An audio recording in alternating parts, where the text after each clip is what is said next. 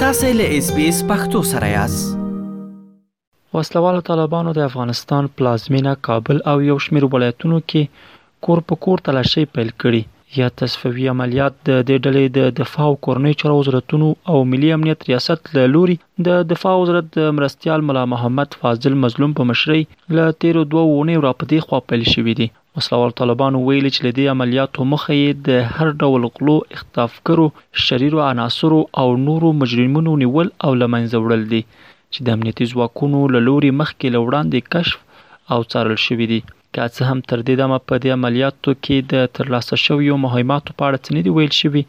ویل کیږي چې په دې ترڅ کې سلګونه میله سپکه او درنه وسله، لسګونه عرادې دولتي موټر، مهمات او ګڼ شمیر نور غیر قانوني توکي تر لاسه شوي دي. په کابل او ورته څیرمو نورو ولایتونو کې د وسله والو طالبانو د یادو عملیاتو دوام په افغانستان کې بیلابیل غبرګونونه راپارولي دي په افغانستان کې د اروپايي ټولنې سفیر بریتانیا او د بشري حقونو یو شمېر نړیوالو ادارې دې چارې ته په غبرګون کې له دې ډلې غوښتي چې تلاشي دې بنده کړي او هڅې دې وکړي چې د ولس د حقونو درناوی وکړي. اخوا یو شمېر افغانانو له دې عملیاتو په نیوکې سره له ایس بي ایس راډیو سره په خبرو کې وویل، د وسله والو طالبانو امنیتي کسان د تلاشیو پر مهال له خلکو سره ویرونکی چلند کوي. کوم کسان چې د طالبانو سره یو ځای دي د تلاشي په نامه او ات کورو ته ننوځي اکثریت یې ښه سلوک نه کوي هغه باید اصلاح شي او ونیول شي.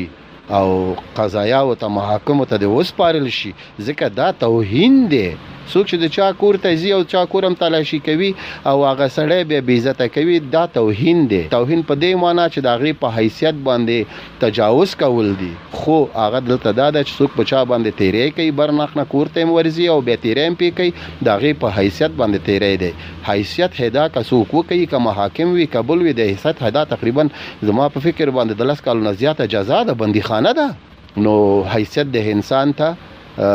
ډیر زیات هر څوک چې وی باید متوجه شي. بل لور ته بیا په دې ډله کې ګڼ شمیر افغانان له دې تله شوی هرکلی هم کوی او دا چاره د امنیت خوندیتابه لپاره ښه اقدام په ګوته کوی. دوی د کورونو د پلټنې پر مهال د طالب ځواکونو له چلند څخه هم خوښي څرګندوي. د وسلو د راټولېدلو په خاطر باندې دې دې مونږ هرکلی کوو، مونږ په دې باندې خوشبین یو او په دې باندې خوښ یو چې نور دغه حالات چې په افغانستان کې تېر شو د دې حالات نور غوښتونکي نه یو. دا چې په کابل کې په ولسوالیانو کې او په ولایتونو کې دغه کمپاین شوی ده او یو څه لاسته راوړنې هم لري، او دا زه د یو ځوان په صفت درته وایم چې په افغانستان کې اتیا فیصده خلک د وسلو د راټولیدلو په خاطر اسلامي امارات چې کومه طرحه کړې د دې هرکلی کوي او دا یو دې ته یو ښه نظر باندې ګوري. دغه یو اقدام په نیک پال نیسو ترڅو وکولای شي چې اسلامي امارات په کابل کې غیر مسؤل وسله وال ختم کړي او د ترڅنګ په نورو ولایتونو کې هم دغه کمپاینونه پیل کړي نو زه دغه ګام ګټور بولم خو ولې په یو شرط چې اسلامي امارات کوم عملیات چې کوي خلکو ته مالی او ځاني زیان ونه رسیږي کورونه ګډوډ نشي د خلکو ته آزار او اذیت ونه رسیږي دا به یو ډیر نیک اقدام وي ټوله کې دغه تصفیوي عملیات اسلامي امارات د حکومت لوري تر سره کیږي د هیواد په ګوټ ګوټ کې او په ځانګړي ډول کابل کې دا یو نیک اقدام ده ښه اقدام ده دغه اقدام ستایو زموږ غوښتنه د اسلامي امارت د حکومت څخه دا ده چې د دغه عملیاتو پر مهال باندې پوره جدیت او قاطعیت څخه کار واخلي هغه څوک چې رښتیا هم وسلې مخدره توکي او نور هغه څه چې په هغه سره عامه نظم په هیواد کې زیانمن کیږي ولسي خلک له ستونزو سره مخ کیږي یا هم حکومتي چارو ته خنډ کیږي د هغه په مخنیوي کې په جدي توګه اقدام وکړي. په کابل او ځینو نورو ولایتونو کې له تصفوي عملیاتو سره هممهاله طالبانو له خلکو دا هم غوښتي که په خپلو کورونو کې وسلې او دولتي وسایط لري په خپله خوښه دې دوی ته وسپاري، ځکه په وینا یې له دې سره به دغه چاره ژر تر ژره پای ته ورسېږي. د چارو یو شمېر شنونکي بیا په دې اړه بېلابېل لید لوري لري. له دې ډلې یو شمېر هغه یې که څه هم دغه عملیات یو ضرورت بولي، خو په وینا یې له یادو عملیاتو باید د سیاسي ابزار په توګه استفاده ونه شي او هغه قوانین په نظر کې ونیول شي چې د افغانانو له کلتور او عنعناتو سره په ټکر کې دي. طالبان چې دا کار کوي باید هغه مشخصې حلقې، مشخص افراد او مشخص ګروپونه په رښتیا هم وسلې لري هغه په نښه کړي او بیا د هغه سیمې د خلکو سره په سلا او مشوره، د هغې سیمې د مشرانو یا د دیني عالمانو سره په مشوره او کله چې کورونو ته داخلېږي هغه اسلامي او افغاني کلتور په نظر کې ونیسي. وسله ټولول دا ضرور خبره ده. افغانستان کې چې دا پنځوس کاله جګړه ده او هر سړی په لږ چې لاندې باندې شي فورا وسلې ته لاس کوي او یا غره ته خېږي یوه ځینې علت هم دا دی چې خلک تیار په کورو کې وسلې لري هغه مطمئن دي چې جګړه کولای شم مطمئن دي چې زه بې ثباتي منځ ته راوړی شم د دې بې ثباتۍ د منځه وړلو لپاره دا یو ضروري خبره ده خو هغه شرایط به ټول مراعات کی چې د افغانانو کلچر دین مذهب او احساسات ته پکې صدمه ونه رسیږي او په خاصه توګه هغه وسلې راټولې کړي چې هغه په ګروپیک ډول موجودې دي او په کورونو کې ځای پر ځای شوي دي. تصفوي عملیات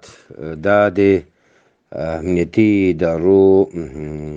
یوه برخه د فعالیتو تشکیلوي چې هغه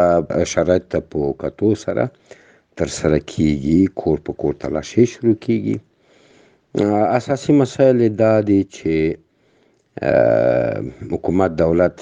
مکلف ده وظیفه یې ده چې خلکو سر مال او د ولس سر مال نه